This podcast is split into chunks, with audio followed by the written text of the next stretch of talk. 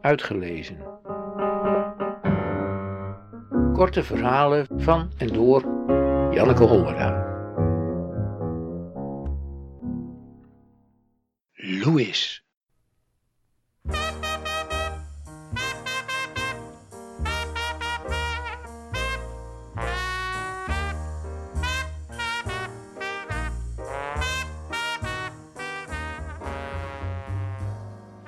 Louis kwam uit een arme wijk in New Orleans. En hij had cornet leren spelen in het tehuis voor jonge, verwaarloosde kleurlingen.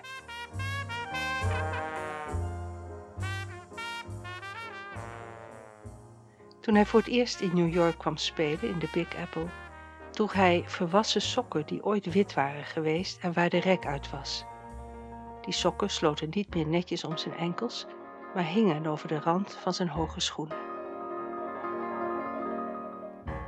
Het New Yorkse publiek, op ooghoogte met zijn voeten, lachte zich slap. Maar hij was zich nergens van bewust.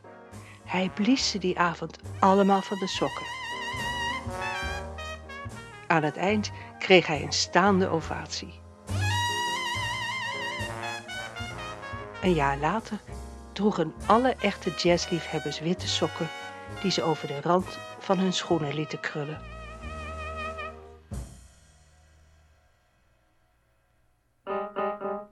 Uitgelezen.